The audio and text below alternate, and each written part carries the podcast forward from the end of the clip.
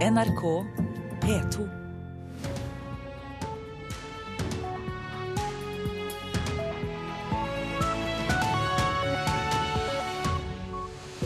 I Nyhetsmorgens studio denne morgenen, Øystein Heggen. Vi fortsetter med at det ifølge Sylvi Listhaug eh, kan være raskere å sende asylsøkere som ikke har krav på opphold til landet de opprinnelig kom fra, enn å sende dem til Russland. FNs barnefond UNICEF legger fram sin humanitære værmelding for dette året. Det skjer i denne sendingen. Minoritetsforeldre bør sendes på kurs, mener barnevernet. Antall meldinger til barnevernet om vold mot barn i hjemmet øker. Og nå får elektroniske nyhetstjenester null moms, men det er slett ikke sikkert at de blir billigere å bruke.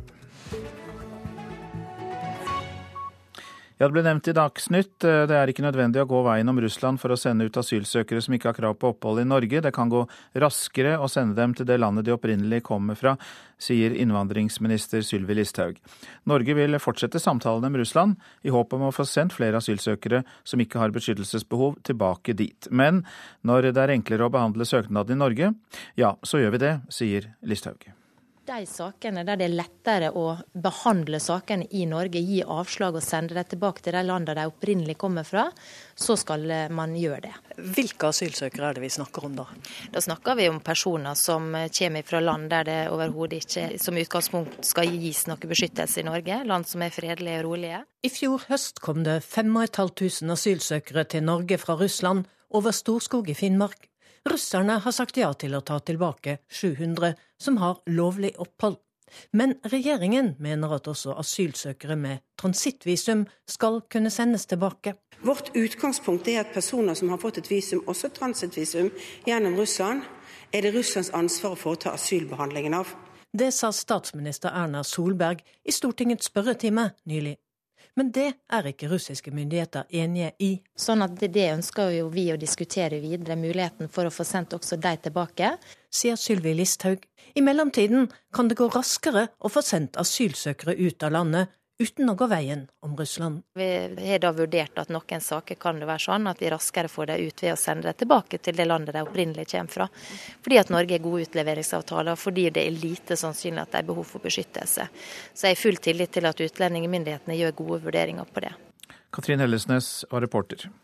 Også i Finland er det strid knyttet til asylsøkere som er kommet via Russland. Det er ni offisielle grenseoverganger mellom disse to landene. Og Moskva-korrespondent Morten Jentoft, hvordan kommer denne konflikten til uttrykk i Finland?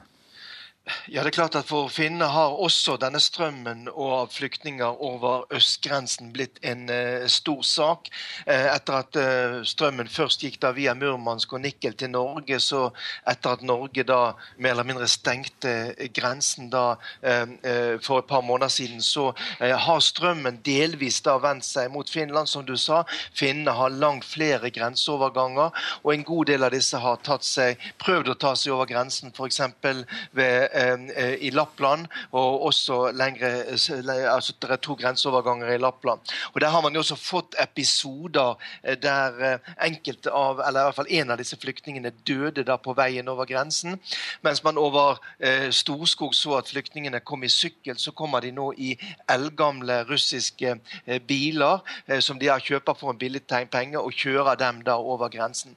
Sånn at dette er jo også blitt en, en vanskelig sak for finske myndigheter å møte. Det er jo en enorm trafikk over den finsk-russiske grensen. Det dreier seg eh, om mer enn ti millioner mennesker i året.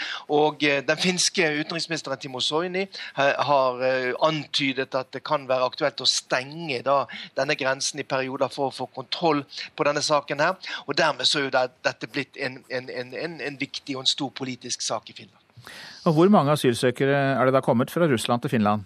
Ja, det, snak, det, er jo snakk om eh, ikke mer enn ca. 1000 stykker eh, i denne omgang. Men det som har skjedd, har likevel vakt såpass stor oppsikt. Og finnene et, eh, liker jo å ha kontroll over sin egen grense.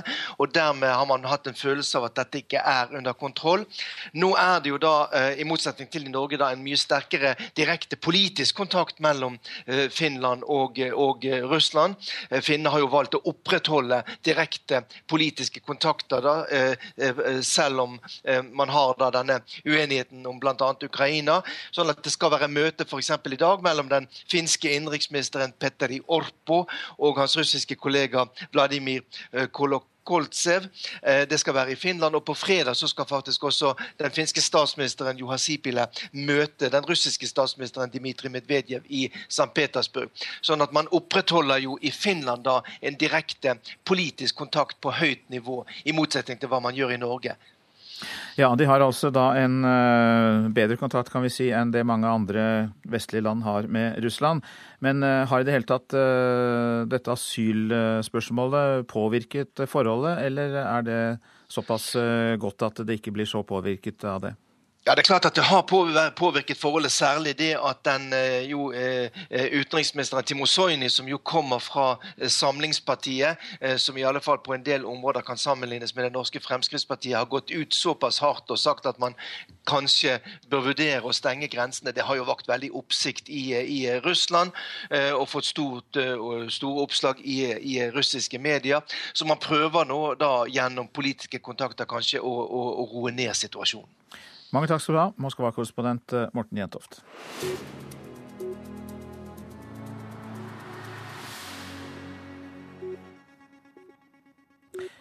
I dag legger FNs barnefond UNICEF fram det vi vel kan kalle en humanitær værmelding. Det oppsummeres eh, konflikter innenfor klima og andre konflikter som betegner eh, året. Og generalsekretær Bernt Apeland, velkommen hit. Takk skal du ha. Eh, hva vil dere karakterisere som den største krisen i året som gikk? Ja, Vi hørte jo nettopp et innslag oppe fra eh, eh Nordkalotten og flyktningstrømmene der. og Syriakrisen, som jo da er den største driveren for eh, flyktningstrømmen der, er også den største driveren for barns eh, katastrofer i eh, 2016. Eh, krig og konflikt har blitt en av de største utfordringene for overlevelse for barn i våre dager, og Syria er definitivt den største. Er det slik at uh, flere konflikter er menneskeskapt nå enn for uh, få år tilbake? Ja, Vi så jo etter at den kalde krigen slutt, og fram til sånn rundt 2011, så gikk antallet konflikter ned for år for år. Og antallet mennesker som ble berørt av krig og konflikt, gikk ned år for år. Men siden den gangen så har antallet konflikter igjen steget. Og mens vi for noen år siden stort sett ba om penger eh, for å hjelpe barn som følge av naturkatastrofer, ber vi nå stort sett om hjelp for å, eh, for å hjelpe barn som er utsatt for krig og konflikt. Hvilke muligheter til å løse det ser du? For det første så må jo vi som en uh, FNs barneorganisasjon ha fokus på å hjelpe barna uansett hva slags situasjon de vokser opp i. Vi må hjelpe dem i Syria i dag, vi må hjelpe dem i Jemen. Eh, og vi må sørge for at de får eh, den hjelpen som skal til for at de også faktisk da eh, er kvalifisert til og er i stand til å ta, få glede av freden når den kommer, bl.a. med å satse på skolegang.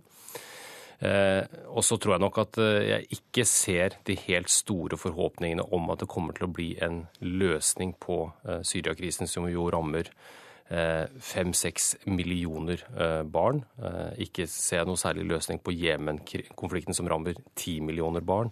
Og sånn kan jeg eh, dessverre fortsette. Så det er viktig at vi i det, den fasen vi nå går igjennom, faktisk holder et veldig sterkt fokus på å hjelpe barna som lever i krig og konflikt, uansett hvor vanskelig det er. Dette var humanitære kriser knyttet til krig. Hvordan virker klima inn på humanitære kriser? Ja, Det er den andre store driveren vi ser eh, i dag. og Spesielt så gjelder det at vi nå har en eh, ekstra sterk utgave av eh, dette værfenomenet El Niño. Som medfører både tørke og flom. både i Sør-Amerika og i Afrika. Og vi ser bl.a. f.eks. i Etiopia at vi har den verste tørken der på over 30 år. Og vi ser nedover langs hele østkysten eh, av det afrikanske kontinentet at land etter land nå rammes av eh, tørke og flom om hverandre. Eh, og, jeg, og det vil være titalls av millioner barn som kommer til å rammes av disse katastrofene nå i 2016. Kommer disse konfliktene i skyggen av krigskonfliktene og konfliktene knytta til Syria bl.a.? Ja, altså Det er jo vanskelig å klare å holde fokus på alle disse ulike krisene. Eh, og det ser vi jo at eh, kriser i det sørlige, eh, det sentrale og det vestlige Afrika ikke er i stand til å nå opp i konkurransen når det gjelder oppmerksomhet, og dessverre da også penger. Og Det er nok en av de tingene som vi i UNICEF ser på med mer og mer bekymring. at det er ikke slik at alle barn får den samme muligheten til hjelp. Eh, fordi det er noen kriser og noen konflikter som blir mye mer profilerte, og dermed gir mye mer penger. Og Det tror jeg nok at i tillegg til at vi må sørge for å eh, gi de pengene som nå trengs for å, å, møte de krisene vi står overfor, så må vi bli mye flinkere til å fordele pengene, slik at alle barn, uansett hvor de vokser opp i verden, har den samme muligheten til å overleve. Mange takk skal du ha, Bernt Apeland, som altså da er generalsekretær i eh, UNICEF Norge. Avisene og det de er opptatt av, skal vi ofre litt tid på nå. Erna Solberg bryter folkeretten i asylpolitikken, sier Høyres Johan Hjort til Klassekampen. Så snart vi ble satt på prøve, ble vi til Fremskrittspartisympatisører, sier han, og det bekymrer meg, sier altså den tidligere Høyre-ordføreren i Tromsø. Politiet brukte falske basestasjoner minst 35 saker i fjor, er oppslaget i Aftenposten. For første gang gir myndighetene innsyn i bruken av spesialutstyr, som gir politiet mulighet til å danne seg et bilde av hvilke personer som passerer i et område, og hvilke som er inne i en bygning. Nå er EU-kontrollen blitt strengere. Flere biler stoppes, det kan vi lese om i VG. Flere sjekkpunkter er innført i EU-kontrollen. Vår siste kur kan gå tapt, er oppslaget i Nasjonen. Flere land har påvist bakterier resistente mot antibiotikumet kolistin. Det er menneskets siste redning mot livstruende infeksjoner, sier Dag Bærild ved infeksjonsmedisinsk avdeling ved Universitetet i Oslo. Han advarer mot at kolistin fortsatt brukes i veterinærmedisin.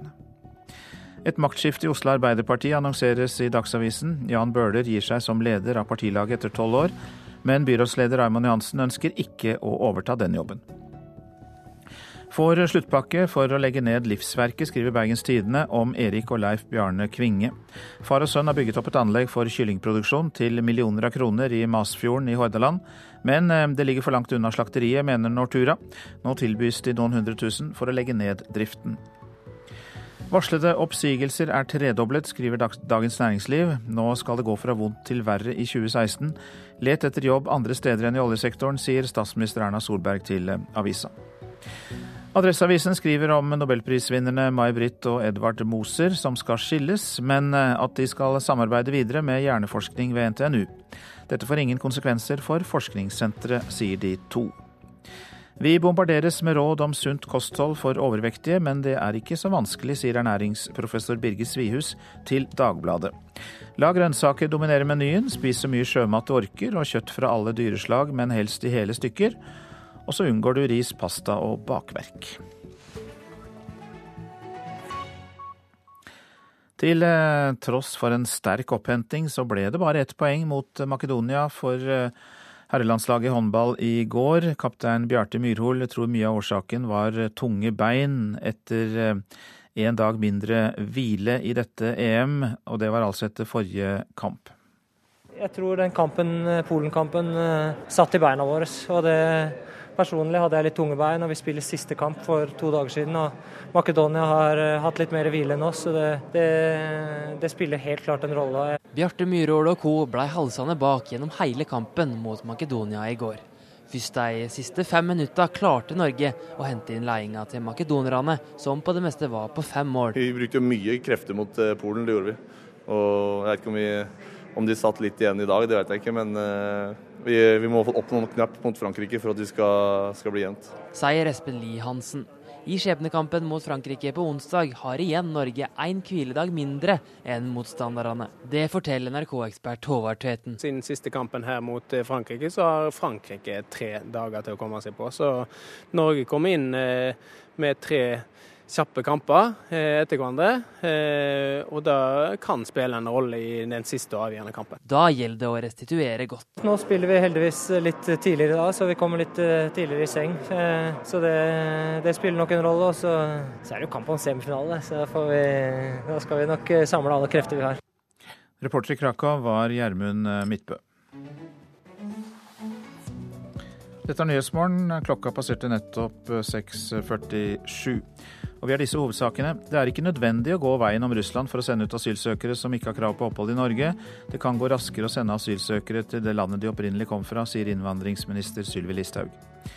De elektroniske kartene som viser master, kraftledninger og andre hindringer for helikopter er for dårlige.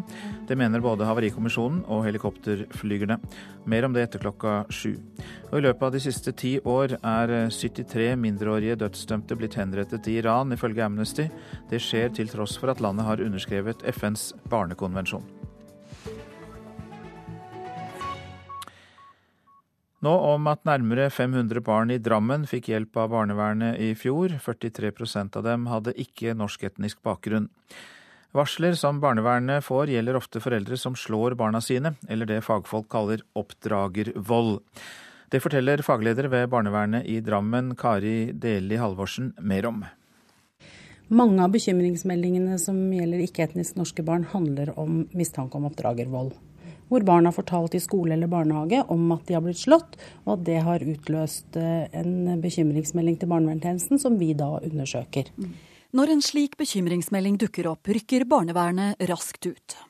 Vi må jo utrede og skille mellom det som er grensesettingsregimer som innebærer vold mot barn, og som er kontrollert og forutsigbart, og barn som kanskje lever i mishandlingssituasjoner så prøver vi gjennom vår undersøkelse å få tillit til familien, at familien får tillit til oss, sånn at vi kan få satt inn hjelpetiltak for å bistå foreldrene med andre oppdragerstrategier som ikke innebærer vold mot barn.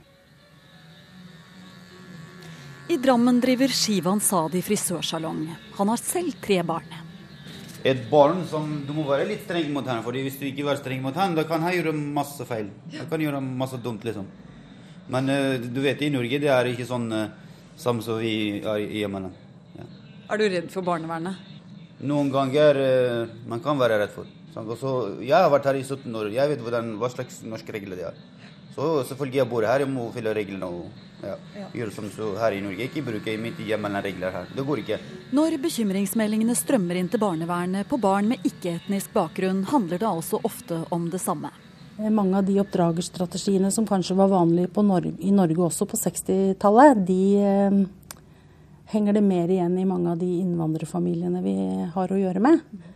Det kan være barn som forteller på skolen om at de eh, blir stengt inne på rommet, at de blir slått, at de blir knipset. Og lærere nedtegner dette og snakker med sin rektor og tenker at dette gir grunnlag for å sende en bekymring til barnevernet om å undersøke om dette barnet har det trygt hjemme. Mm.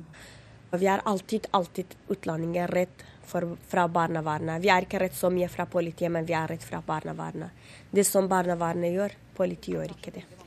Det sier den unge kvinnen som kommer fra Irak og har bodd i Norge i 17 år. Hun har ett barn på fire år og er gravid med nummer to. Hun mener det er viktig å sette grenser for barna. Straffen dem, sette dem i en sted som de ikke liker. Sitte på toaletten der meste barna er rett fra toalettet og slå av lyset, eller sitte alene i en rom. Det er straffen. Det er nok straff, jeg syns. Men slå, det er ingenting, forstår det. Så man skal ikke slå barna. Jeg er helt mot slå. Men uh, det er veldig fint at du finner en ting som han er redd fra. Men er det greit å ha han inne på toalettet? Altså, Syns du det er i orden? Eller? Det er kjempefin straff. Sitte på doen til uh, en time, jeg sier det. Men det er ti minutter, men han forstår ikke hver en time. ikke sant? Sitte på toaletten alene. Barnevernet jobber nå aktivt med foreldre med innvandrerbakgrunn for å få andre måter å håndtere barna på som ikke innebærer vold. Foreldreveiledningskurs. Eh, de kan få miljøterapeut i hjemmet. Familieveileder i hjemmet. Eh, og i noen tilfeller så har vi eh, sendt familier på foreldre-barn-institusjon for å jobbe mer intensivt med samspillet i familien. Men jeg, jeg er veldig snill mot dem. og jeg, jeg de gjøre hva de vil. Så altså, jeg slår aldri, eller blir aldri sur på dem, eller ja, ja det gjør jeg ikke det. Men dialog er best, da. Ikke med slå. Ja. Jeg er helt mot å slå også. Reportasjen var laget av Karoline Bekkelund Hauge. Åtte av ti nordmenn syns mediene bør kunne trykke karikaturtegninger, selv om de kan oppleves som religiøst krenkende. Men mange av oss vil at mediene skal være varsomme, spesielt med tegninger som krenker islam. Hvis du ser her, det er en karikaturtegning fra Charlie Hebdo mm. som viser profeten Mohammed ja. med rumpa bar. Ja. Er det greit? Nei, jeg syns ikke det. Hvor går egentlig grensa? Karikaturtegninger med religiøst innhold kan såre. Et flertall av oss mener likevel mediene bør kunne trykke dem. Det viser undersøkelsen Ytringsfrihetens grenser, som Institutt for samfunnsforskning har gjort på vegne av Fritt Ord. Men på gata i Oslo er mange skeptiske til tegningene i magasinet Charlie Hebdo. Jeg syns en skal respektere folks, folks tro. Du bare viser ikke respekt for andres meninger og det de tror på, så det er ikke greit. Selv om vi syns mediene bør kunne trykke karikaturer, mener fire av ti at mediene må være varsomme når det kommer til religiøst innhold. Det jeg driver med her, er en tegning til i morgen. I et kontor i sjuende etasje på VG-huset i Oslo sitter Roar Hagen ved pulten, bøyd over blyanttegnede politikere. Og vi har Jonas og Børge Brende og Hareide. Den mangeårige karikaturtegneren reagerer på at folk mener mediene må være varsomme med religiøse karikaturer. Jeg kan jo forstå at folk tenker det, men det er jo veldig lite gjennomtenkt. Fordi eh, hvis vi skal tenke oss et samfunn der religionene skal være fritatt for kritikk, det vil jo bli helt ulevelig. I Fritt Ord-undersøkelsen er det flere som syns det er greit å publisere krenkende karikaturer mot kristne, enn tegninger som krenker muslimer retten til å kunne publisere også krenkende karikaturer. Det mener jeg at det er helt sentralt. Sier Shoaib Sultan, rådgiver i Antirasistisk Senter og muslim. På den andre siden så er det noe med å greie å ha flere tanker i hodet samtidig. Og det å kunne gjøre noe betyr ikke at man skal gjøre det. For eksempel den her. Det er et bilde av eh, Gud også karikaturer som krenker Gud, kan få folk til å reagere. Ett år etter terrorangrepet mot Charlie Hebdo i Paris, og så står det 'morderen er fortsatt på frifot'. Syns ikke noe om det der. Om det er fra hvilken som helst religion, så er det ikke greit. Er det greit? Det er en karikaturtegning, og det er kunst på en måte. Og som kunsthalt bør jo kunne få lov til å uttrykke seg. Så jeg vil si det er helt innafor. Reporter var eh, Irina Kjelle. Og I Kulturnytt klokka åtte så kan du høre intervju med forskere som eh, står bak den rapporten vi hørte fra her. I mars innfører Norge som første land i Europa faktisk nullmoms på elektroniske nyhetstjenester. Det er nå klart etter en uttalelse fra ESA, som er EFTAs kontrollorgan. VG Dagbladet pluss og TV 2 Sumo vil eh, helt eller delvis slippe moms. Men eh, det er slett ikke sikkert at tjenestene blir billigere. Det er jo sånn at uh, dagens uh, merverdiavgiftsfritak uh, for aviser omfatter kun aviser på papir. Finansminister Siv Jensen på pressekonferanse i går. Som første land i Europa fjerner Norge momsen på elektroniske nyheter, slik at nett, radio og TV blir sidestilt med papiravisene. Overgangen fra papir til digitale medier innebærer at dagens nullsats for papir også bør gjelde for elektroniske nyhetsmedier. Men hva betyr dette for deg som abonnerer på digitale aviser eller TV-kanaler? Ett av to. Nå som staten ikke lenger legger 25% på toppen, kan man enten gjøre abonnementene billigere eller fortsette med samme pris og tjene mer penger. Aftenposten velger det siste, sier sjefredaktør Espen Egil Hansen. Alle våre inntekter nå går jo til å finansiere journalistikken, og eh, nullmomsen er ment som et bidrag til det. Og det er journalistikk vi kommer til å satse på også framover. Så prisene på abonnementene skal ikke ned? Nei, de skal ikke ned, eh, men de skal jo da heller ikke opp. Bergens Tidende vil også fortsette med samme pris som før. Det koster 2400 kroner i året for et totalabonnement, og når digitalmomsen etter planen fjernes i mars, vil det gi flere millioner ekstra i kassa hvert år, sier sjefredaktør Øyulf Hjertenes. Altså på, på, årsbasis der vi er nå, så vil det bety sånn pluss-minus eh, ti millioner. Eh, de pengene her skal vi bruke på å lage god journalistikk. Det er viktig for Bergens Tidende å sitte igjen med, med, brukerinntekter hvis vi skal klare å finansiere journalistikken. Det er en kjent sak at mediebransjen har eh, tøffe økonomiske tider, så vi har definitivt god bruk for disse pengene uansett. Sier Dagbladets sjefredaktør John Arne Markussen. Enten beholder vi pengene sjøl, eller så gjør vi abonnementene rimeligere. Men det har vi ikke tatt stilling til enda. Jeg vil først se at dette blir en realitet. Reporter Petter Sommer. Værvarselet. Østafjells får oppholdsvær, etter hvert mulighet for sol, men lokal tåke. Fra ettermiddag øking til eh, sørlig stiv kuling på kysten. Og så blir det tilskyende og etter hvert regn fra vest og stedvis snø i indre og høyereliggende områder på Østlandet. Rogaland og Hordaland enkelte regnbyger, snø i høyden. I ettermiddag øking til sørlig stiv til sterk kuling på kysten. regn og stigende snøgrense. Sogn og Fjordane sørvest liten kuling, sterk kuling ved Stad. Regnbyger, snøbyger i høyereliggende strøk. Seint i ettermiddag øking til sørlig sterk kuling på kysten. Og så blir det regn og stigende snøgrense. Møre og Romsdal sørvestlig stiv kuling på kysten, enkelte regnbyger, snøbyger i høyden. I ettermiddag sørøst liten kuling utsatte steder og oppholdsvær. Seint i kveld sørlig sterk kuling på Søre Sunnmøre, og så kommer det regn fra sør.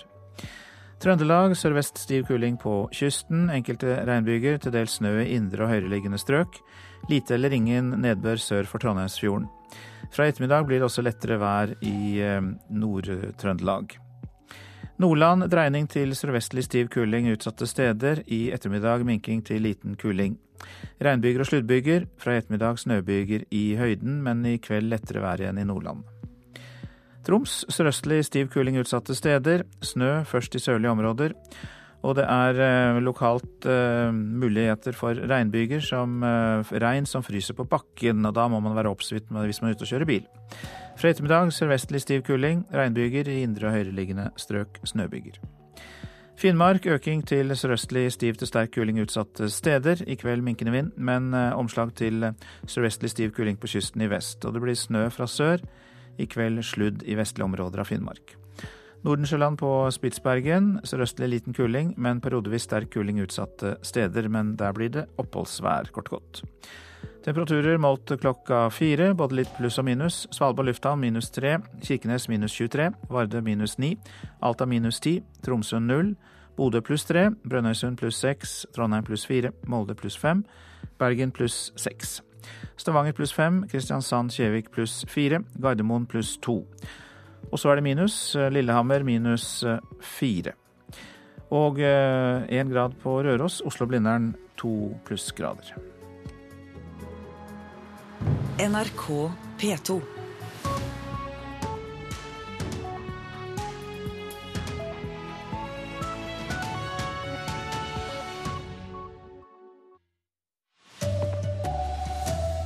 Folk som ikke har krav på asyl, kan bli sendt tilbake til hjemlandet selv om de kom via Russland, sier Sylvi Listhaug. De elektroniske helikopterkartene her i landet er for dårlige. Det er en stor risiko, mener flygerne. Her er NRK Dagsnytt klokka sju, i studio Silje Sande.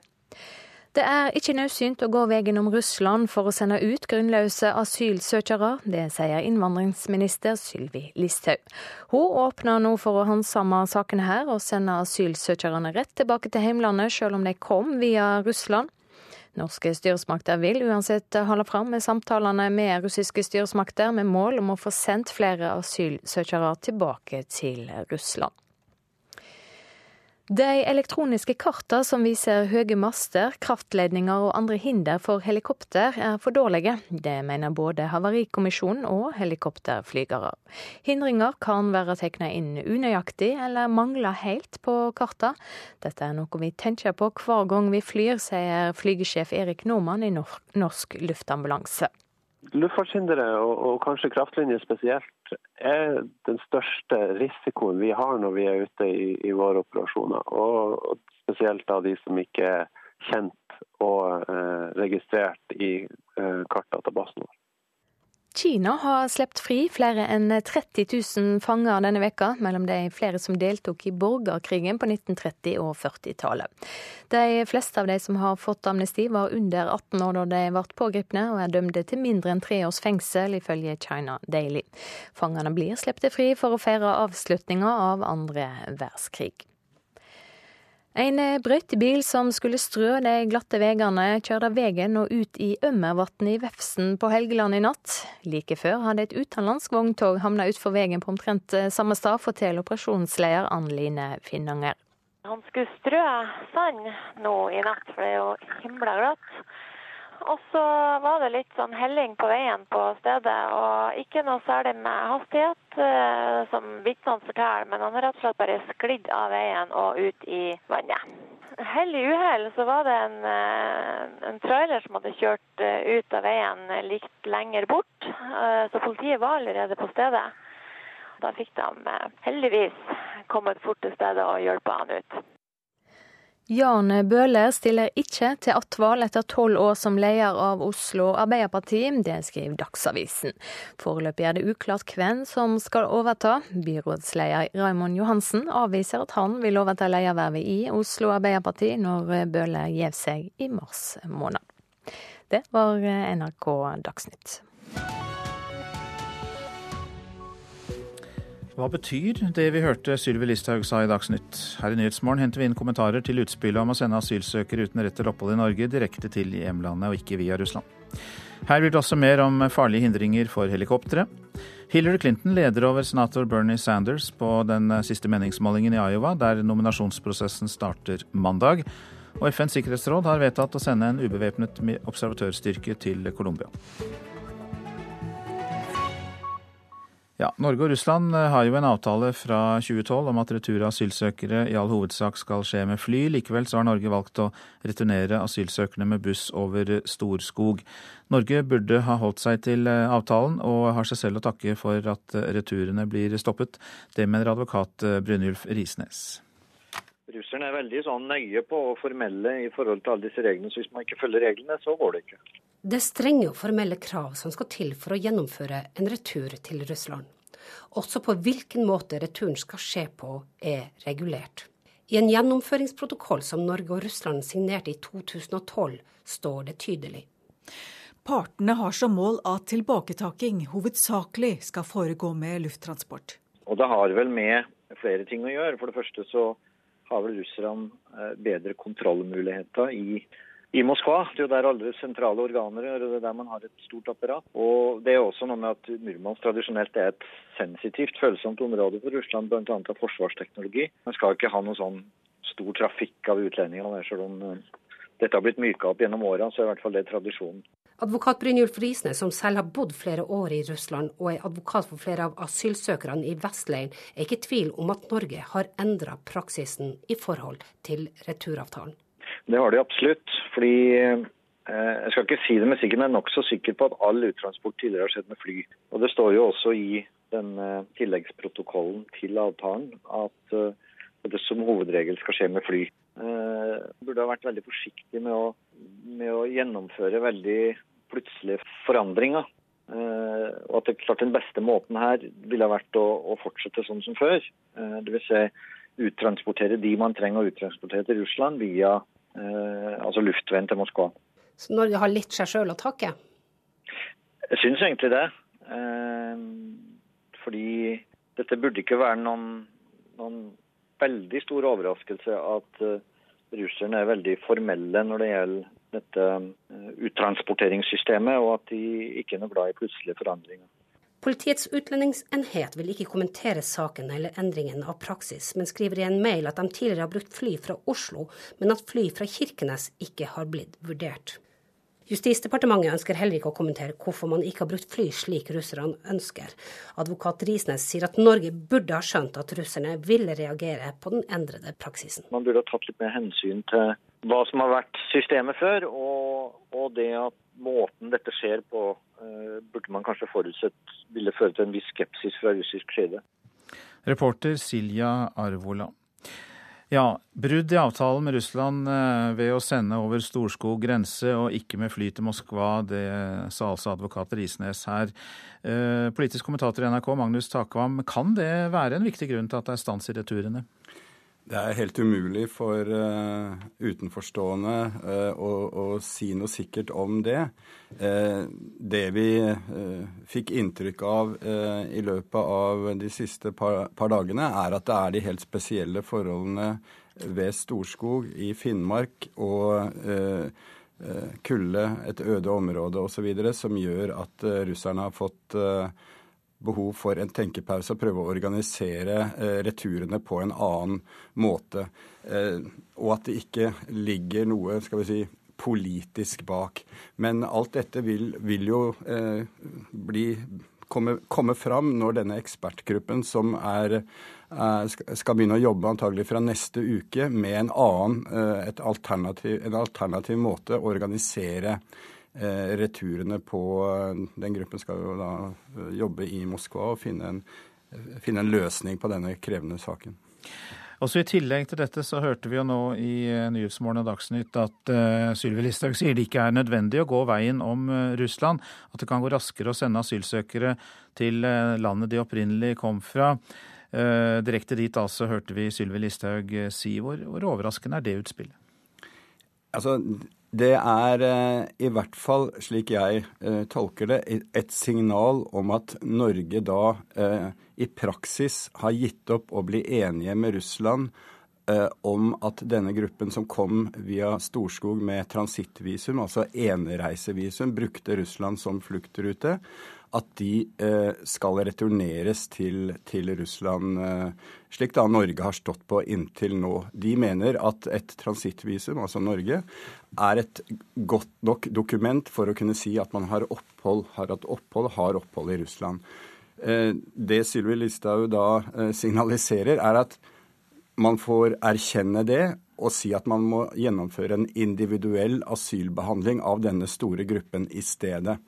Og det betyr jo at da eh, trer, trer, de vanlige liksom, eh, synspunktene eller eh, reglene som, som, norsk asylpolitikk bygger på, i kraft. At er det en asylsøker som f.eks. kommer fra Nord-Afrika, fra Pakistan eller eh, såkalt trygge områder i Afghanistan, så blir de returnert. Men de som kom med transittvisum fra Syria f.eks., vil få opphold. og hvor mange de utgjør av denne gruppen på 4500, vet man jo ikke. Kanskje halvparten, kanskje litt under. Slik at poenget med, med det hun sier, er at eh, Norge da i så fall ikke gir opp, gir opp rett og slett å returnere hele denne gruppen til, til Russland. Og det er interessant. Mange takk skal du ha, politisk kommentator i NRK, Magnus eh, Takvam. De elektroniske kartene som viser høye master og kraftledninger og andre hindringer for helikoptre, er eh, for dårlige. Det mener både Havarikommisjonen og helikopterflygerne selv.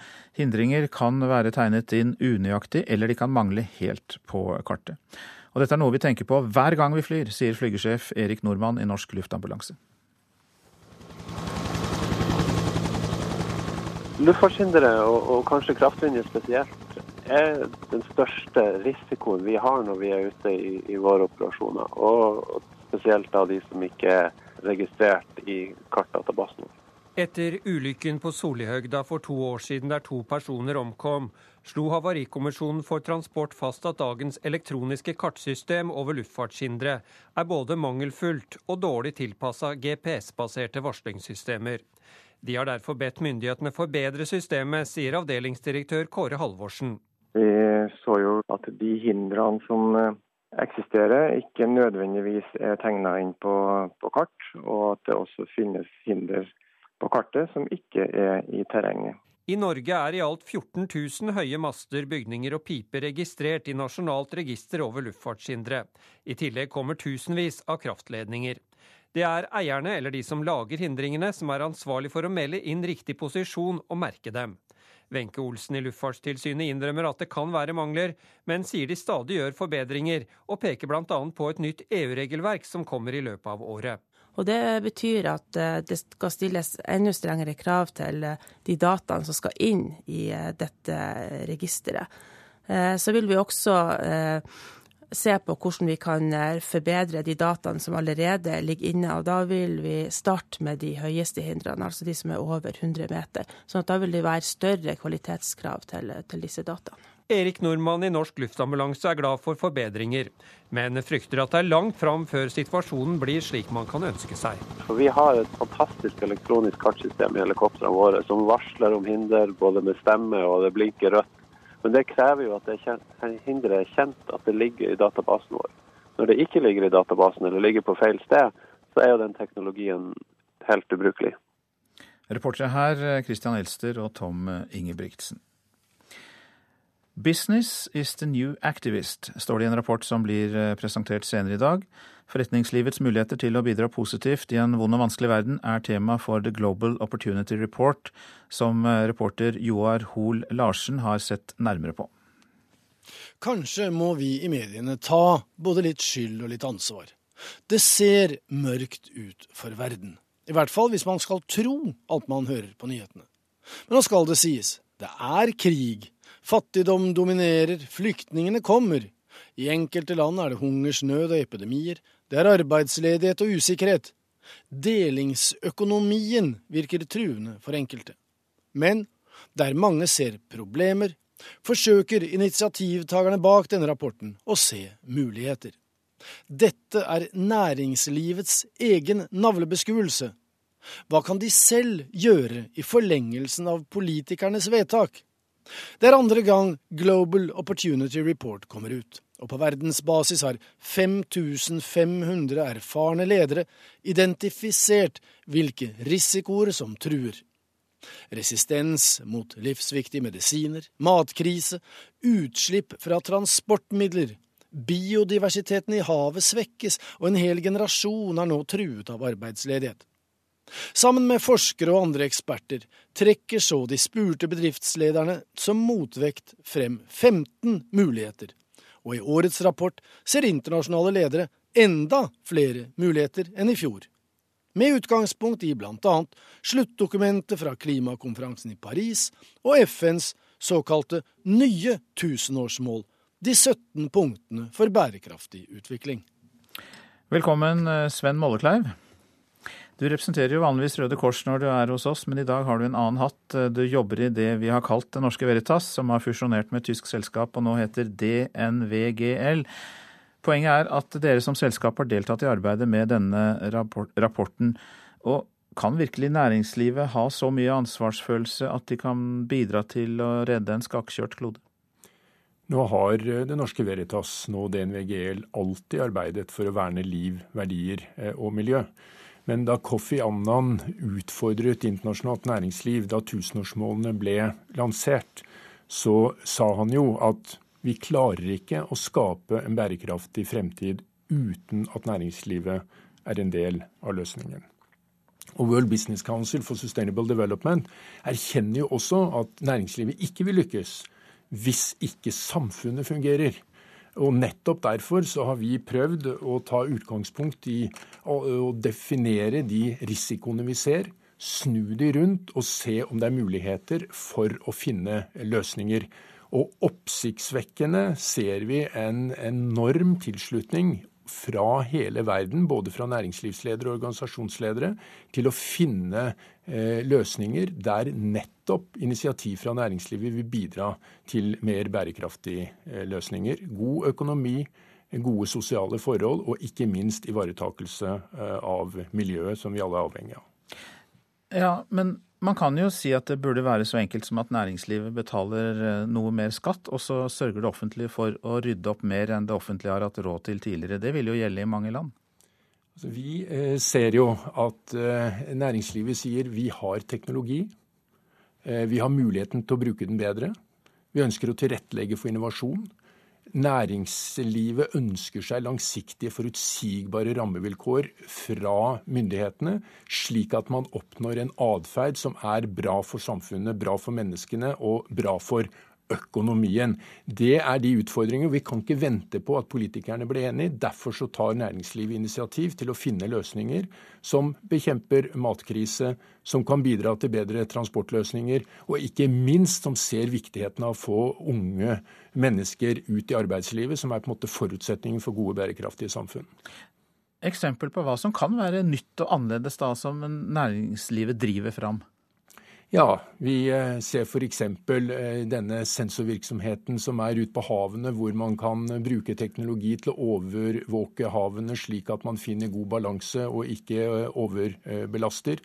Vi ser hvordan nye transportløsninger, altså fra å bruke tungolje til å gå over på batterier, vi ser hvordan smarte løsninger innenfor matproduksjon kan finne gode, eh, god balanse, slik at man ikke overbelaster, og at man klarer seg bedre i tørkeperioder eller utsatt for, for flom og andre ting.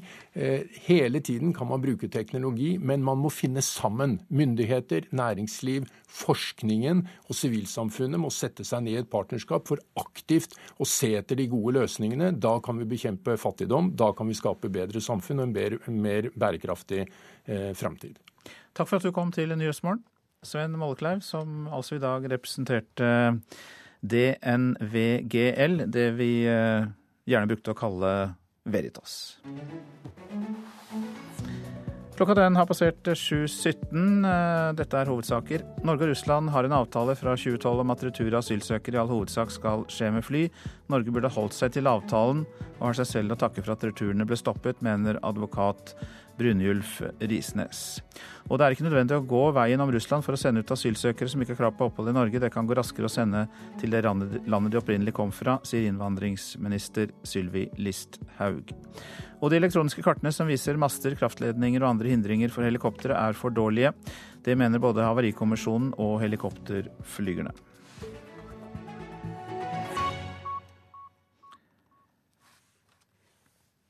FNs sikkerhetsråd har vedtatt å sende en eh, ubevæpnet observatørstyrke til Colombia hvis eh, FARC-geriljaen og regjeringen blir enige om en fredsavtale. Det enstemmige vedtaket regnes som en viktig milepæl mot eh, en fredsavtale, som partene planlegger å undertegne 23.3. El resultado de la votación es el siguiente. El proyecto de resolución recibió 15 votos a favor. Med 15 hender i været sa et enstemmig sikkerhetsråd ja til det partene selv hadde bedt om. En observatørstyrke som skal overvåke og bekrefte en tosidig våpenhvile, slutten på kamphandlinger og at våpnene legges ned. Mr.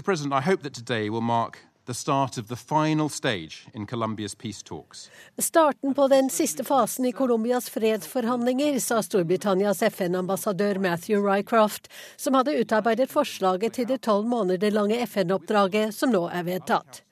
Men først må det altså en fredsavtale til for å gjøre slutt på den 50 år lange borgerkrigen som har kostet rundt 220 000 menneskeliv og sendt millioner på flukt. Colombia is now on the precipice of a historic achievement. Forging a lasting peace agreement will not resolve all of Colombia's challenges, nor will it instantly help heal the deep wounds in Colombia står foran en historisk prestasjon, sa Samantha Powers, som er USAs FN-ambassadør. En fredsavtale vil ikke løse alle Colombias problemer eller lege alle de dype sårene fra 50 år med krig. Men hvis kampene virkelig tar slutt, kan man endelig begynne på et nytt og etterlengtet kapittel i landets historie. Norge har sammen med Cuba vært med på å tilrettelegge fredsprosessen i Colombia. Dette er en svært viktig milepæl på veien mot en endelig fredsavtale, sier utenriksminister Børge Brende i en pressemelding. La decisión que tomó el Consejo de Seguridad significa que a partir de ahora ya no vamos solos. I en tale i hovedstaden Bogotá sa president Juan Manuel Santos at vedtaket i Sikkerhetsrådet betyr at hele verden vil at denne krigen skal ta slutt. Og det er den beste garantien for at det kommer til å skje, sa han. Og Wenche Eriksen hadde laget eh, dette innslaget. Hillary Clinton leder over senator Bernie Sanders på den siste meningsmålingen i Iowa, der nominasjonsprosessen foran presidentvalget starter på mandag. Hun har imidlertid mistet den store ledelsen hun hadde, og i natt så måtte hun forsvare seg overfor eh, velgerne på direktesendt TV fra et folkemøte i Iowa. I've heard from quite a few uh, people my age that they think you're dishonest. Taylor Gibbles er førstegangsvelger i Iowa, men ikke redd for å si det som det er. But I'd like to hear from you on why you feel the uh, enthusiasm isn't there. Hvorfor er ikke unge folk entusiastiske til deg, spurte han Hillary Clinton i den direktesendte velgerutspørringen på CNN i natt.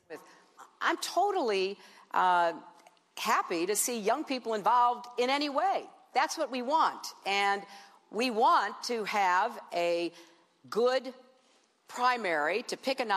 den tidligere utenriksministeren svarte at hun ønsker en god og åpen nominasjonsprosess for å finne den beste kandidaten. Men det er åpenbart at Clinton kjemper for sitt politiske liv seks dager før nominasjonsprosessen starter. Det har vært dødt løp mellom henne og Bernie Sanders på flere meningsmålinger de siste dagene og Clinton var både energisk og aggressiv i natt. Hun gikk også lenger enn noensinne i å forsvare president Obama og si at hun vil videreføre hans politikk.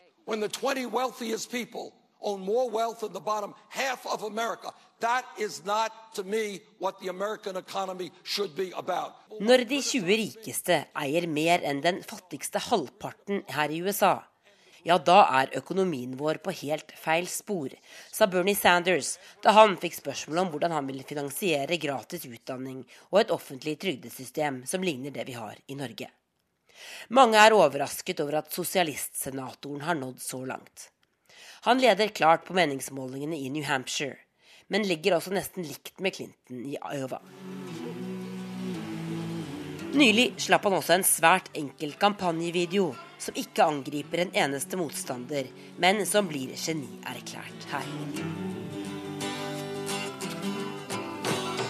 Let us be lovers, we'll marry our fortunes together til tonene av Simon and Garfunkels 'America' vises bilder av bønder og byfolk og entusiastiske velgere på de store folkemøtene til Sanders.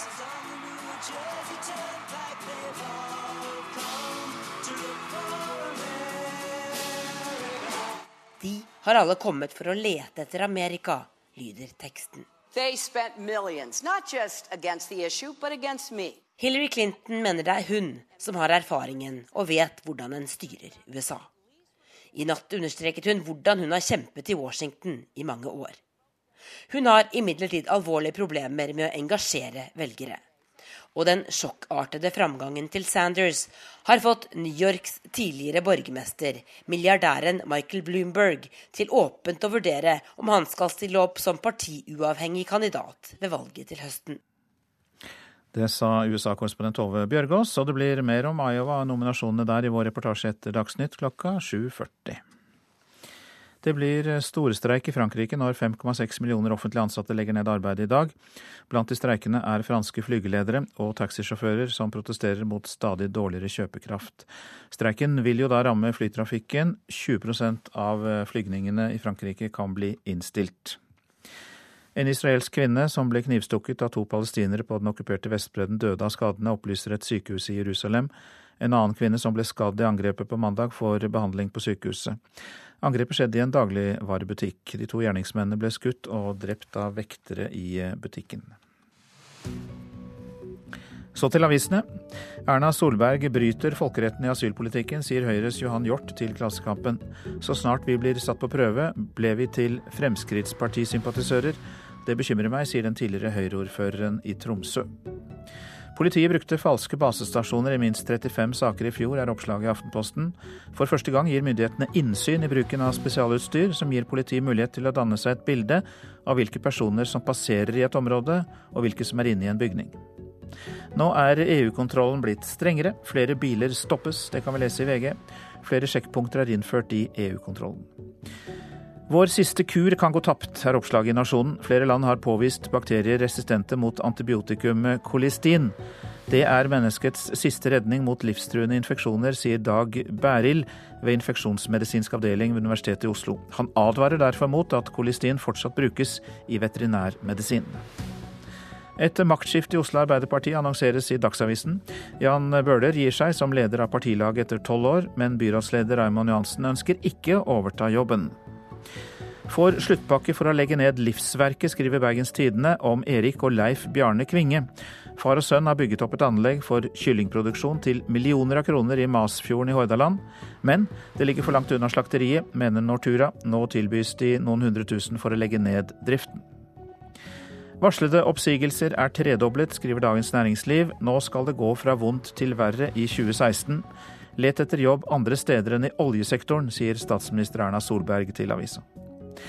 Adresseavisen eh, skriver at nobelprisvinnerne May-Britt og Edvard Moser skal skilles, men at de skal samarbeide videre med hjerneforskningen ved NTNU.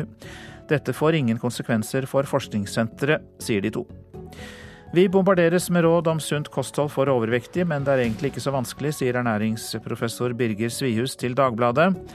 La grønnsaker dominere menyen, spis så mye sjømat du orker og kjøtt fra alle dyreslag, men helst i hele stykker. Og så unngår du ris, pasta og bakverk. Dans er et språk alle forstår, uansett nasjonalitet. Det har et ungdomshus i Drammen forstått. De har bygget egen, en egen dansesal, ansatt instruktør, og så har de invitert ungdom fra mange nasjoner. Afrikanske danserytmer fyller den splitter nye dansesalen i ungdomshuset G60 i Drammen. Lidiana, Ayob Cassandra, Antony og Usia viser at de kan danse i et tempo langt, veldig langt fra sakte vals. Jeg kom til Norge da jeg var to år, men jeg er født i Kongo. Jeg er fra Sudan. Kom til Norge for fire år siden. Jeg er fra Eritrea og kom til Norge for uh, veldig mange år siden. Jeg husker ikke det. Jeg var veldig liten i hvert fall. Og hvor kommer du fra? Jeg kommer fra Den dominikanske republikk. Eh, jeg er halvt spansk, men jeg syns det er gøy å være med dem, fordi de er kjempehyggelige og morsomme og sånt. Vi som starta gruppa, da, jeg og Ayub, um, og så kom de da inn, og så ble det bare en større gruppe, og det var sånn uh, Square One ble lagd. Hva, hva, er det med dans som gjør at man liksom blir uh, venner? Det er det at man deler glede sammen. At man deler noe Man deler erfaringer sammen. Ja, egenskaper. Vi er fra ulike land, og vi har forskjellige kulturer. Og det er veldig gøy, fordi vi kan eh, invitere venner og få dem til å bli med. Liksom, det handler jo mest om gleden. da. Gleden vi får av å danse sammen. Uansett hvor, liksom, hvilken kultur vi er fra, så har det ikke noe å si. Bare alle liker å danse. Det er jo det vi er her for, å danse, ikke sant. Denne reportasjen fra Drammen fikk vi fra reporter Ingar Andreassen. Du lytter til eh, Nyhetsmorgen. I en av USAs kjedeligste delstater blir det snart veldig spennende. Vi skal høre om nominasjonskampen foran det amerikanske presidentvalget i reportasjen etter Dagsnytt. I Politisk kvarter er kirkeasyl tema for debatten, og den skjer mellom KrFs Dagrun Eriksen og Helge André Njåstad fra Fremskrittspartiet. Og produsent for Nyhetsmorgen i dag, det er Vidar Eidhammer. Her i studio, Øystein Heggen. Og så minner vi om det aldeles utmerkede nettstedet radio.nrk.no, der du kan høre alle NRKs radiokanaler, og til og med spole deg tilbake og hente opp tidligere sendte programmer.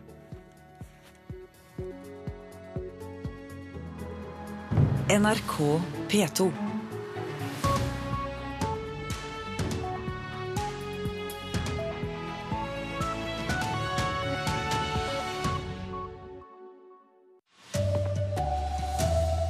Folk som ikke har krav på asyl, kan bli sendt rett tilbake til heimlandet selv om de kom via Russland. Det sier Sylvi Listhaug. Elektroniske helikopterkart er ikke oppdaterte. Flygerne frykter for hva som kan skje når farlige hindringer mangler på kartene. Og karikaturtegninger er greit. Det mener åtte av ti nordmenn. Her er NRK Dagsnytt klokka 7.30 i studio Silje Sande. Det er ikke nødsynt å gå veien om Russland for å sende ut grunnløse asylsøkere. Det sier innvandringsminister Sylvi Listhaug. Hun åpner for å handsame sakene her og sende asylsøkerne rett tilbake til heimlandet, selv om de kom via Russland. Norske styresmakter vil holde fram samtalene med russerne med mål om å få sendt flere tilbake til Russland, men når det er enklere å handsame søknaden i Norge, så gjør vi det, sier Listhaug. De sakene der det er lettere å behandle sakene i Norge, gi avslag og sende dem tilbake til de landene de opprinnelig kommer fra, så skal man gjøre det. Hvilke asylsøkere er det vi snakker om da? Da snakker vi om personer som kommer fra land der det overhodet ikke som utgangspunkt skal gis noe beskyttelse i Norge, land som er fredelige og rolige. I fjor høst kom det 5500 asylsøkere til Norge fra Russland over Storskog i Finnmark. Russerne har sagt ja til å ta tilbake 700 som har lovlig opphold. Men regjeringen mener at også asylsøkere med transittvisum skal kunne sendes tilbake. Vårt utgangspunkt er at personer som har fått et visum, også transittvisum, gjennom Russland, er det Russlands ansvar å foreta asylbehandlingen av. Det sa statsminister Erna Solberg i Stortingets spørretime nylig. Men det er ikke russiske myndigheter enige i. Sånn at Det ønsker jo vi å diskutere videre, muligheten for å få sendt også de tilbake. Sier Sylvi Listhaug. I mellomtiden kan det gå raskere å få sendt asylsøkere ut av landet uten å gå veien om Russland. Vi har da vurdert at noen saker kan det være sånn at vi raskere får det ut ved å sende det tilbake til det landet de opprinnelig kommer fra. Fordi at Norge har gode utleveringsavtaler, fordi det er lite sannsynlig at de har behov for beskyttelse. Så jeg har full tillit til at utlendingsmyndighetene gjør gode vurderinger på det. Reporter Katrin Hellesnes. Med meg i studio nå politisk kommentator her i NRK, Magnus Takvam. Hva betyr det Sylvi Listhaug sier nå? For det første så dreier dette seg om den store gruppen av asylsøkere som kom over Storskog. Ca. 4500 har eh, såkalt transittvisum, eller enreisevisum.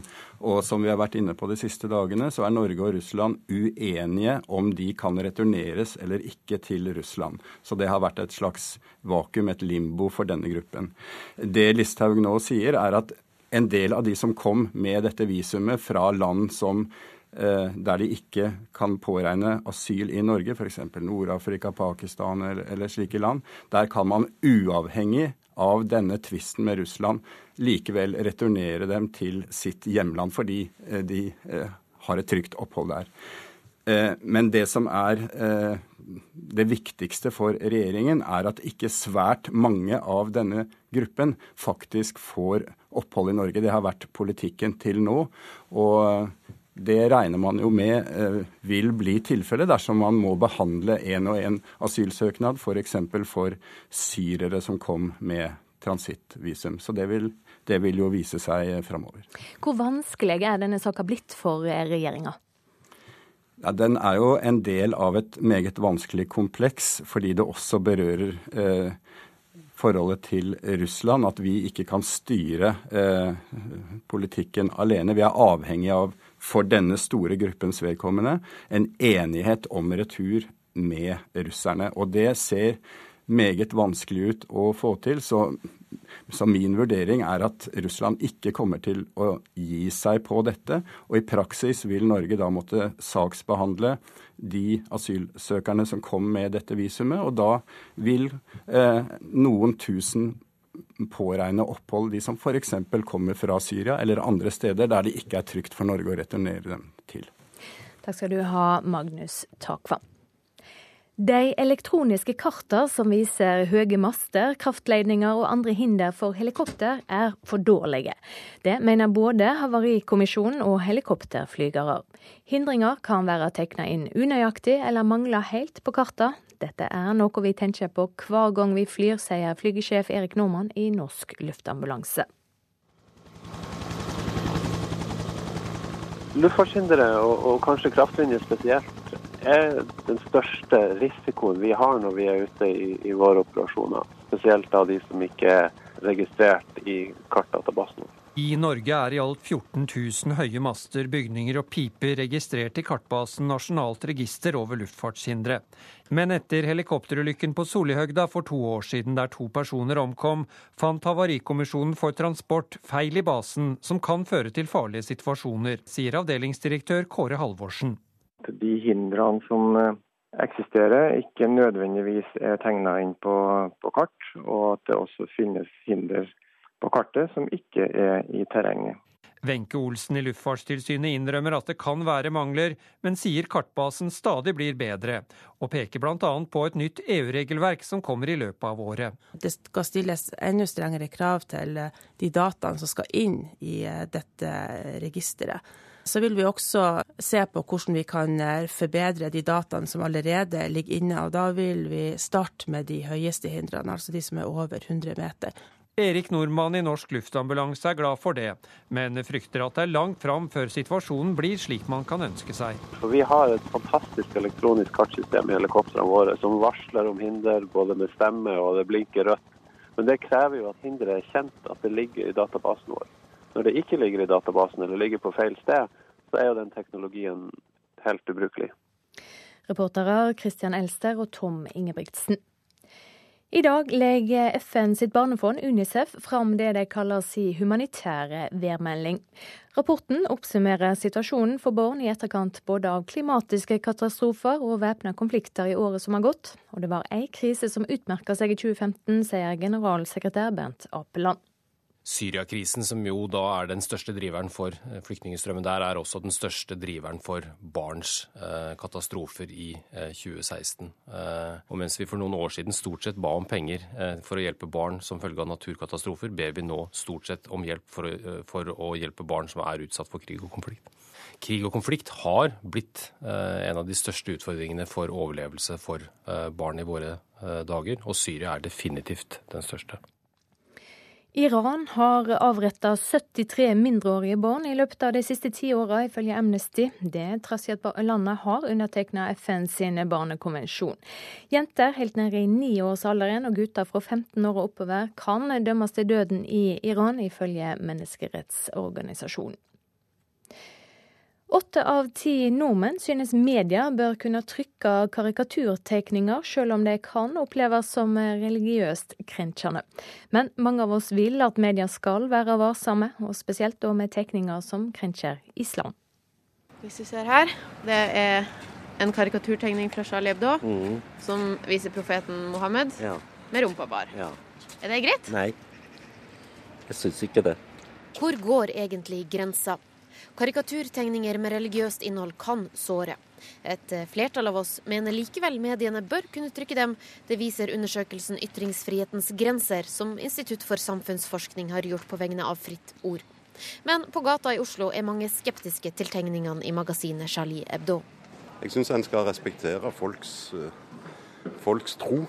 Selv om vi syns mediene bør kunne trykke karikaturer, mener fire av ti at mediene må være varsomme når det kommer til religiøst innhold.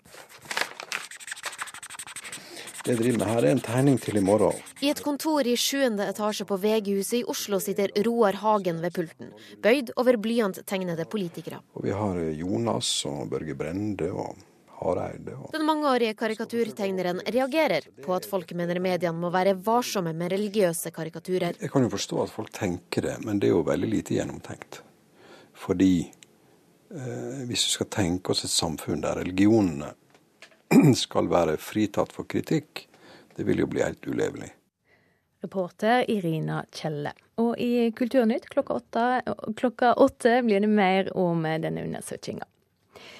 Vi tar med at Kina har sluppet fri flere enn 30 000 fanger denne veka, mellom de flere som deltok i borgerkrigen på 1930- og 40-tallet. De fleste av de som har fått amnesti, var under 18 år da de ble pågrepne, og er dømte til mindre enn tre års fengsel. Fangene blir sluppet fri for å feire avslutninga av andre verdenskrigen. Og Et togsett med en teknisk feil sperrer det ene sporet mellom Skøyen og Lysaker i Oslo. Det vil føre til forsinkelser og innstilte tog, ifølge NSB. Ansvarlig for NRK Dagsnytt, Anne Skårseth.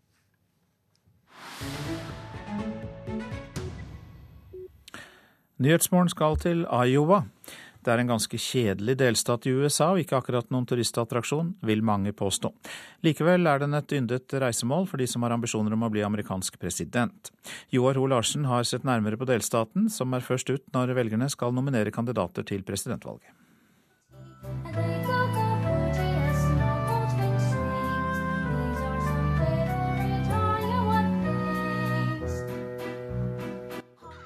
Iowa er som denne musikalske hyllesten til staten. Helt grei, men ikke spesielt fin.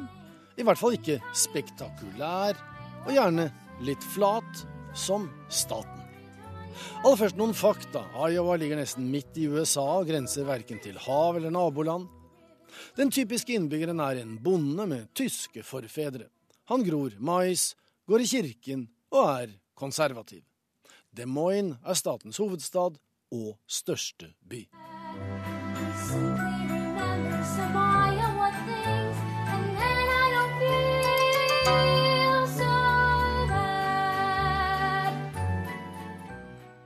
Iowaneren Bill Bryson er blitt verdensberømt på sine bøker, der han bl.a. kommenterer livet og oppveksten i hjemstaten med et humrende skråblikk. You know, from Iowa, if, if you don't think there's anything funny at all about something called the Des Moines International Airport. Du vet du er fra Iowa når du ikke ser humoren i begrepet Des Moines International Airport, spøker han. Du vet du er fra Iowa når du syns at maisåkre så langt øyet rekker er et vakkert landskap. Og du vet at du er fra Iowa når du har noe pent å si om president Herbert Hoover.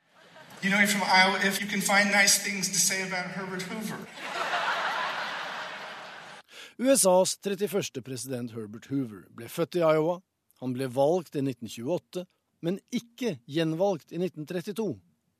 Velgerne ga ham, noe urettferdig, skylden for de økonomiske nedgangstidene med arbeidsledighet og nød på den tiden. Men selv denne Iowas store sønn flyttet derfra som niåring, i likhet med en annen stor sønn av Iowa.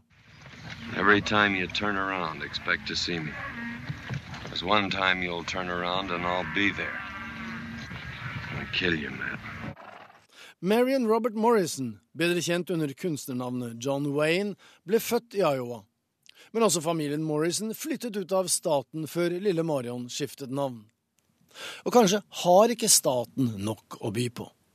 Hvis man googler 'turistattraksjonenes tid på topp i Iowa', så kommer det opp flere offentlige bygninger, hvorav ikke alle har særpreg, samt den zoologiske hagen i Des Moines og botanisk hage i samme by. Allikevel har de 15 kandidatene som nå kjemper om velgernes gunst i den første reelle testen foran presidentvalget i november, disse 15 har besøkt Iowa over 300 ganger.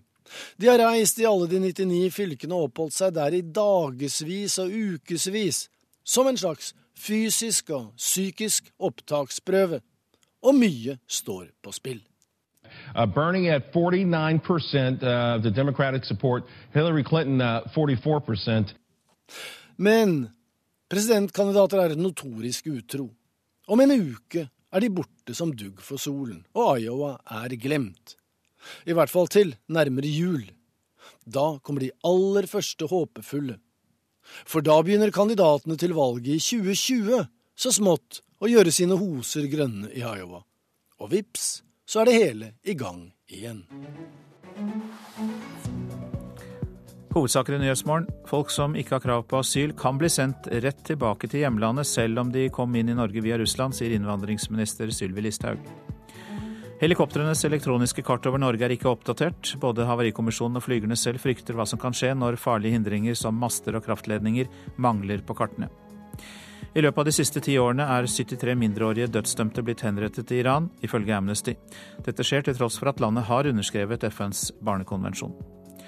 Åtte av ti nordmenn syns mediene bør kunne trykke karikaturtegninger, selv om de kan oppleves som religiøst krenkende. Men mange av oss vil at mediene skal være varsomme, spesielt med tegninger som krenker islam.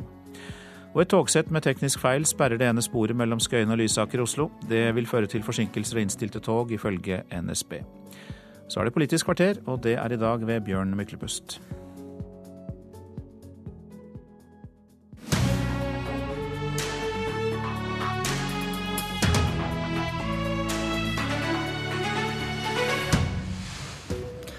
Den 13. august 2009 gikk politiet inn i Brorsons kirke i København. 19 irakiske menn ble fjernet med makt og sendt ut av landet. Og med det var det slutt på kirkeasyl i Danmark. Kan det samme nå skje i Norge? I Finnmark har elleve personer søkt kirkeasyl. Regjeringen reagerte på denne måten. Regjeringa vurderer jo om man skal eh, fjerne den instruksen eh, som nå pålegger politiet om å ikke gå inn aktivt i eh, kirkeasylsaken. Det var Gøran Kalmyr i Justisdepartementet. Her er KrF-leder Knut Arild Hareide. Sitat, Kirkeasyl er ingen god ordning. Dagrun Eriksen, nestleder i KrF. Men likevel vil dere beholde kirkeasylet? Ja, det er ingen god ordning. Jeg har jo selv vokst opp i en menighet som opplevde 90-tallets kirkeasylanter. Og verken for den som sitter i kirkeasyl eller for menigheten eller så er dette en god situasjon, for det er mennesker i nød. Og det å være innestengt i en kirke er ikke bra. Allikevel så tror jeg at det er noen ting som vi som samfunn trenger å ha. Det har fungert som en sikkerhetsventil. Det vi så at de som var i kirkeasyl på 90-tallet, Avslutningen på det ble at man fikk en avtale om at de skulle se på sakene på nytt. Ganske mange av de fikk opphold. Og nå, når vi er i den situasjonen vi er i nå, hvor det foregår vedtak over en lav sko, det går veldig fort, faren for eh, at rettssikkerheten ikke blir godt nok ivaretatt, har gjort at det med å ha den formen for siste sikkerhetsventil som kirkeasyl er, tror jeg er klokt. Eh, og jeg tror det er veldig klokt å kunne ha den måten å gjøre det nå også. Men det er ingen ønska situasjon, verken for den som opplever å sitte i kirkeasyl, det tror jeg alle som har møtt de som sitter der er, eller for, for samfunnet å, å, ha det. Men det er allikevel viktig å respektere. Men det du satt og sa nå, er at folk som skal bli kastet ut av landet, som ikke har beskyttelsesbehov, de skal kunne gå inn i en kirke, og du mener at de kan få sine søknader behandlet på nytt? Nei, jeg sier at det var løsningen på 90-tallet. Ja, og Så sa du at det var en viktig sikkerhetsventil, og at det var riktig den gangen? Det var, ja, det var riktig den gangen. Og jeg tenker Det er tre argumenter for å beholde eh, kirkeasylet. For det første så er det en veldig ja, men Svar på det med å få behandla søknadene på nytt. Vil du avvise at det kan bli løsningen på nytt når det gjelder kirkeasylanter? Nei, hvordan den situasjonen løses til slutt, hvis man skulle få en tilsvarende. Nå snakker vi om elleve personer, og jeg har ikke sett personlig på de sakene om det er grunnlag Nei, for men det. Det kan bli flere, men prinsipielt så mener du at hvis man går i kirkeasyl, har et vedtak om å bli kastet ut av landet, så kan man faktisk Nei, få jeg sier søknaden ikke det prinsipielt. Jeg sier Nei. det at det var løsningen på 90-tallet. Men det kan være en god løsning, sier du? Nei, jeg sier Det var en god løsning den gangen? Det var en løsning som i hvert fall sier at det er ikke sikkert at myndighetene har gjort alt det riktige i møte med det. Og det å ha en mulighet for oss å se på noen saker på nytt eh, med andre øyne, at det har vært en sikkerhetsventil som vi vurderte på 90-tallet, som vi historisk har hatt, det tenker jeg har vært en god, eh, en god løsning sånn sett for oss som myndigheter. Men, Men- det er ingen god situasjon for mennesker å sitte i kirkeasyl. Nei, men igjen, Nå sier du at nå sitter jo dere igjen og er misfornøyd med den praksisen regjeringen har på utsendelser. Og så sier du at dette kan være en sikkerhetsventil, og da må du holde det åpent at kanskje det kan være en god løsning at de som setter seg i kirkeasyl nå, kan få sine søknader behandlet på nytt. Det vi må huske med at De som har gått inn i kirkeasyl nå, det er mennesker som ikke vi har sett på på søknadene. Vi vet egentlig ingen. Vi har, 70, nei, vi har noen stykker, 700 stykker, som vi vet at kanskje har en oppholdstillatelse i Russland. Og så har vi mange som ikke vi vet noen ting om beskyttelsesbehovet til. Vi vet ingenting. Vi har ikke gått inn i deres søknader. Og det at kirkeasyl er en sikkerhetsventil, det tror jeg er viktig. Men jeg har jo lyst til å si at det er Men to andre argumenter. på, men igjen så får jeg ikke noe tydelig svar på om du mener at de som går i kirkeasyl nå, de som sitter der nå, de som kanskje kommer til, om det kan være en løsning da, som du sier, at de har ikke fått behandla søknadene sine ordentlig. At de faktisk kan få det som en konsekvens at de går i kirkeasyl. Ikke som en konsekvens at de går i kirkeasyl. Men Nei, det er, det er en sikkerhetsventil for oss som samfunn. Det var det vi vurderte på 90-tallet. Det er det vi har vurdert historisk at det har vært en det. Men så vil jeg si at det er to andre argumenter også, hvis jeg kan få lov til å si det, for å beholde det. Det ene er den historiske kirkefredsholdningen som man har hatt. Fram til reformasjonen så var det en juridisk eh, rettighet, det med kirkeasyl. I etterkant så har det vært en gjensidig respekt. Vi vet at man måtte legge våpnene ute i våpenhuset, og at kirkerommet har vært prega av fred. Så det å gå inn med politimakt mot mennesker som ikke har gjort noe som helst kriminelt, annet enn at de har bedt om å, å få en asylsøknad behandla, det mener vi er viktig at man ikke gjør. Og det tredje tenker jeg at det å komme inn i kirkeasyl, og det ser man erfaringsvis Mange menigheter har gått inn i en veldig god dialog med de som sitter der. Og hvis det er sånn at man åpenbart skal sendes ut, så har man klart å formidle det til kirkeasylanten som sitter der, at her er, uansett hvor lenge du er her nå, er det ingen mulighet for det, for du har ikke det beskyttelsesbehovet. Og det kan også formidles på en god måte. Så jeg syns at måten kirka har håndtert den måten å være eh, den siste sikkerhetsventilen i et samfunn, har vært klok. De har vært tøffe i diskusjon med mange av de som har sittet i kirkeasyl. Eh, Men det har vært også en gjensidig respekt fra myndighetenes side, okay. helt fram til vi nå fikk Fremskrittspartiet i regjering. Og her sitter Fremskrittspartiet, Helge André Njåstad, leder i kommunalkomiteen. Hva var det du hørte nå? Åpner hun for at kirkeasylanter kan få søknaden sin behandlet på nytt, eller gjorde hun det ikke?